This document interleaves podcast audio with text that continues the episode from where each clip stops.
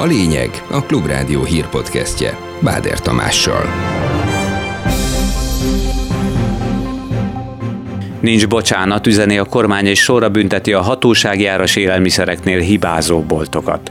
A Momentum szerint az maga a csőd, ami az árstoppokkal történik. A kormány hoz egy betarthatatlan szabályt, majd megy ezeket ellenőrizni, és rácsodálkozik, hogy az életszerűtlen és betarthatatlan szabályai nincsenek betartva a boltokban.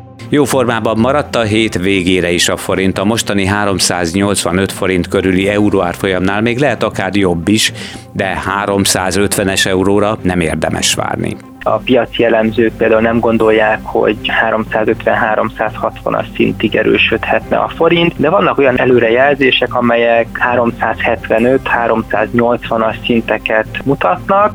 Bolykottal fenyegeti a 2024-es Párizsi olimpiát Ukrajna. A csatlakozókkal együtt akár 40 ország is távol maradhat a sport felhasználása direkt politikai üzenetek közvetítésére, ez sokkal erőteljesebb lett. Kidőlő fák miatt veszélyes lehet útra kelni a hétvégén, figyelmeztet a Magyar Közút. Nagyon sok helyen felázott a talaj, és így a viharos szélökésekkel együtt már könnyen fakidőlések, illetve ágleszakadások is nehezíthetik majd a közlekedést.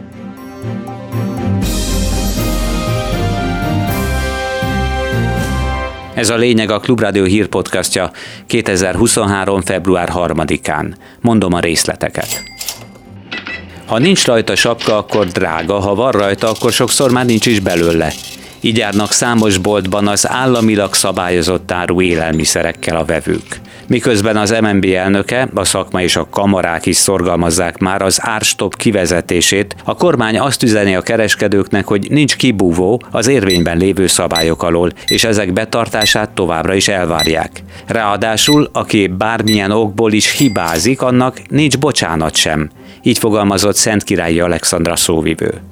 Mint a múlt heti árstop razzián kiderült, hiba volt bőven. 468 boltból csupán 99 üzletben nem találtak jogsértést. A kormányzás kudarcát jelzik a betarthatatlan szabályok az árstoppoknál, nyilatkozta a Klubrádiónak Kele János, a Momentum elnökségi tagja olyan részletszabályokat hozott a kormány az ástopokkal kapcsolatban, és itt ugye főleg a készletszabályozásra kell gondolni, amit az előző év végén hoztak, amikről akkor is lehetett tudni és látni, hogy betarthatatlanok és életszerűtlenek.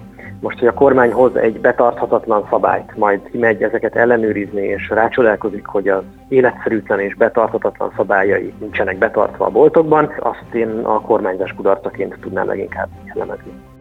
Erős hete volt a forintnak, 8 hónapos csúcsot ért el a bankközi devizapiacon az euróval szemben, és az árfolyam pénteken kora délután egy időre a 384-es szintnél is járt. Szakértők szerint a piac elsősorban a magyar kamaterőnyt értékeli, és ezért jelentek meg többen a vevői oldalon. De a nemzetközi piacokon uralkodó hangulat is kedvező.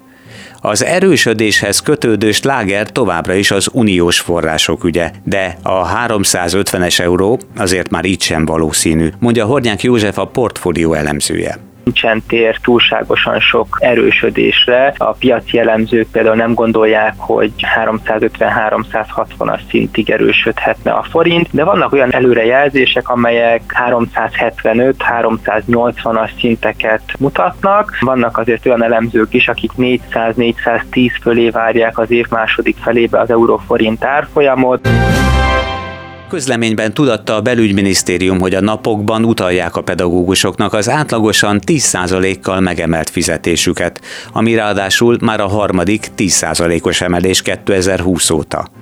A kormány elkötelezett a folytatásban is erősítették meg, mint ahogyan azt is, hogy a magasabb emelés még mindig az uniós források érkezéséhez köti a kabinet. Nem értékelte viszont a közlemény nagyvonalúságát a pedagógusok szakszervezetének alelnöke. Totyik Tamás szerint csak a dühöt és elkeseredettséget növeli a mostani emelés mértéke. Közel 25%-os inflációhoz képest egy 10%-os béremelést hogyan tud értelmezni egy átlagember? Szerintem csak az elkeseredését és a dühét növeli nem hogy csökkenteni. Ráadásul pótlékemelésként jelenik meg, és az összbér tömegére vonatkozóan ez nem 30%-os béremelés, amiről a kormány az utóbbi időszakban beszél, hanem ez egy 25%-os bértömeg növekedést. Egyedül a pályakezdő fiataloknak a bérét garantált bérminimum növekedése miatt emelik meg jelentősebben.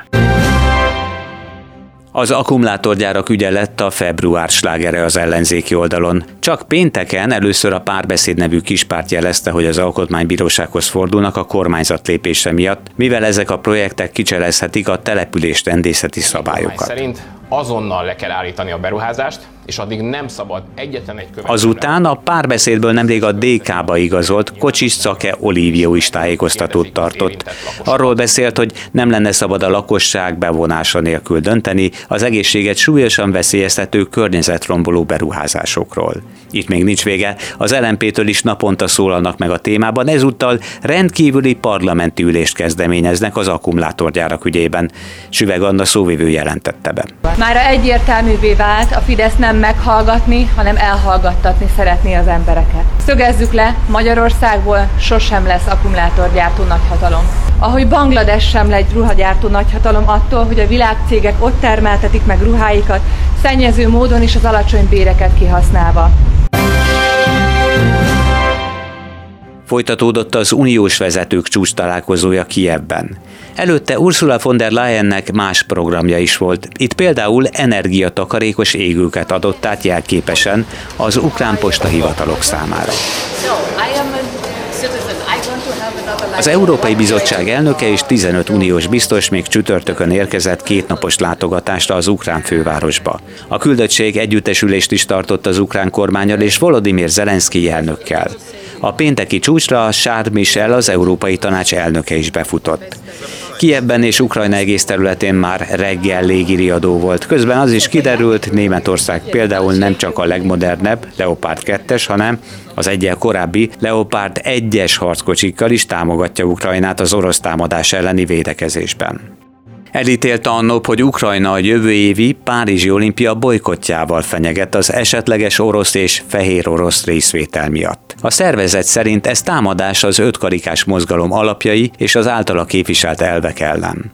Több állam, így Ukrajna mellett Lengyelország, Lettország, Észtország és Litvánia nem ért egyet, és azt szeretnék elérni, hogy az oroszok, fehér oroszok egyáltalán ne szerepelhessenek Párizsban, még semleges színekben sem, amíg folytatódik az ukrajnai háború. A lengyel sportminiszter egyenesen arról beszélt, hogy egy esetleges bolykothoz akár 40 ország csatlakozhat. A Klubrádió által megkérdezett sportközgazdász Dénes Ferenc szerint van realitása mind a bolykot sikerének, mind annak, hogy sportolókat zárjanak ki az olimpiai játékokról, még úgy is, hogy ez ellentétes az olimpiai eszménnyel.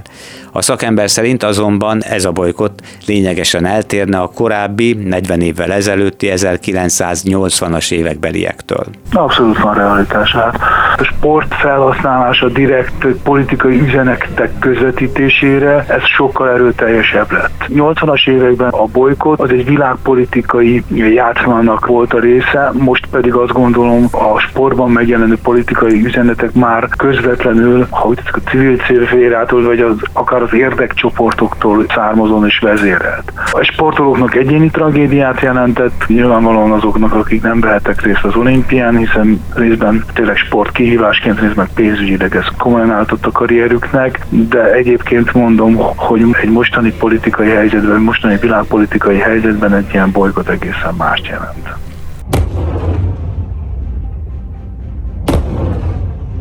Ezek a rakéták csak a tengerbe csapódtak be, Kína lőtte ki őket Tajvan irányába, egyelőre elrettentésül. Most a kínai elnök arra utasította országa hadseregét, hogy 2027-re álljon készen Tajvan lerohanására, közölte a CIA igazgatója amerikai hírszerzési információkra hivatkozva. William Burns szerint ez nem jelenti azt, hogy a kínai vezető eldöntötte volna 2027-ben vagy máskor megtámadja a szigetet, viszont jól jelzi céljait. Xi Jinpingre ugyanakkor kiúzanítóan hatott az orosz hadsereg teljesítménye Ukrajnában, és ebből megpróbálja levonni a tanulságokat, tette hozzá a CIA vezetője.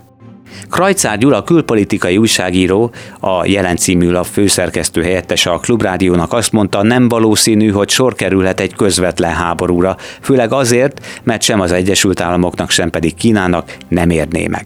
Ez nem úgy néz neki, mint a, az ukrán-orosz háború lévén, hogy nagyon nagy az esély arra, hogy az Egyesült Államok is beleszáll ebbe a háborúba, hiszen garantálják Tájván biztonságát. Szállítógépes szimulációt hajtottak végre. Olyan veszteségeket lenne képes a két fél okozni egymásnak, és most itt a két fél alatt az Egyesült Államokat és Kínát értem elsősorban. Két évtizedre is visszavetné az ő globális pozícióikat, hogy egy hatalmas veszteségek árán szert tegyenek egy olyan szigetre, amelyik holdbélivé van bombázva. Nem hiszem, hogy ez igazán vonzó cél lenne se a politikai vezetés, se a kínai közvélemény számára.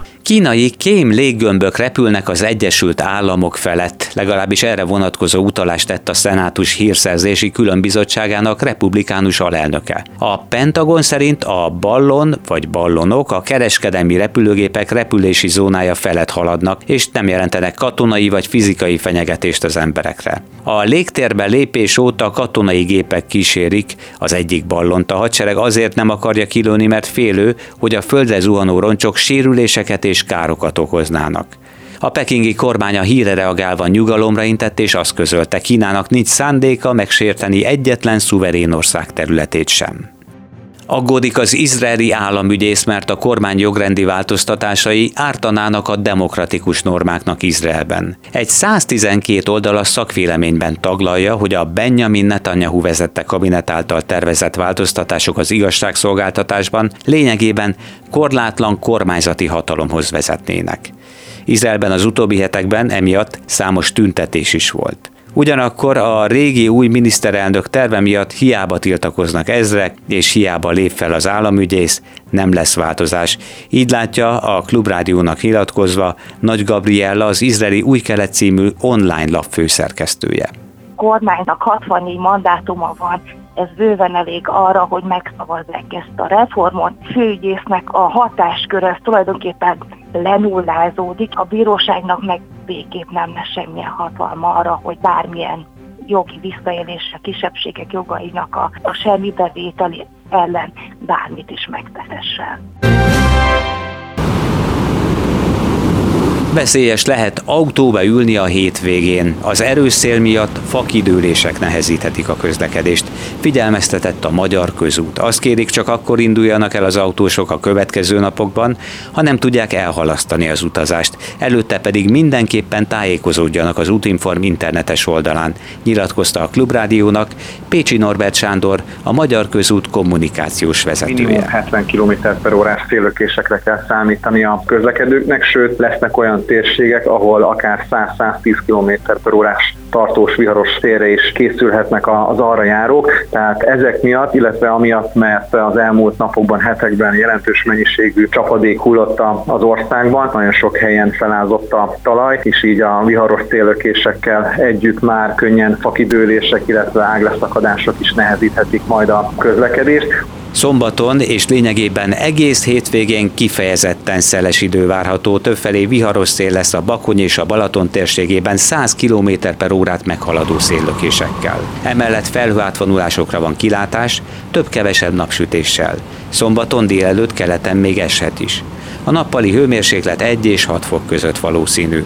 Hasonló idő lesz vasárnap is, de aznap már nem várható csapadék és estére mérséklődhet a szél. Ez volt a lényeg a Klubrádió hírpodcastja 2023. február 3-án. Munkatársaim nevében is köszönöm figyelmüket, Báder Tamást hallották. Legközelebb hasonló tartalommal hétfőn délután jelentkezünk majd a megszokott időben 4 és 5 óra között.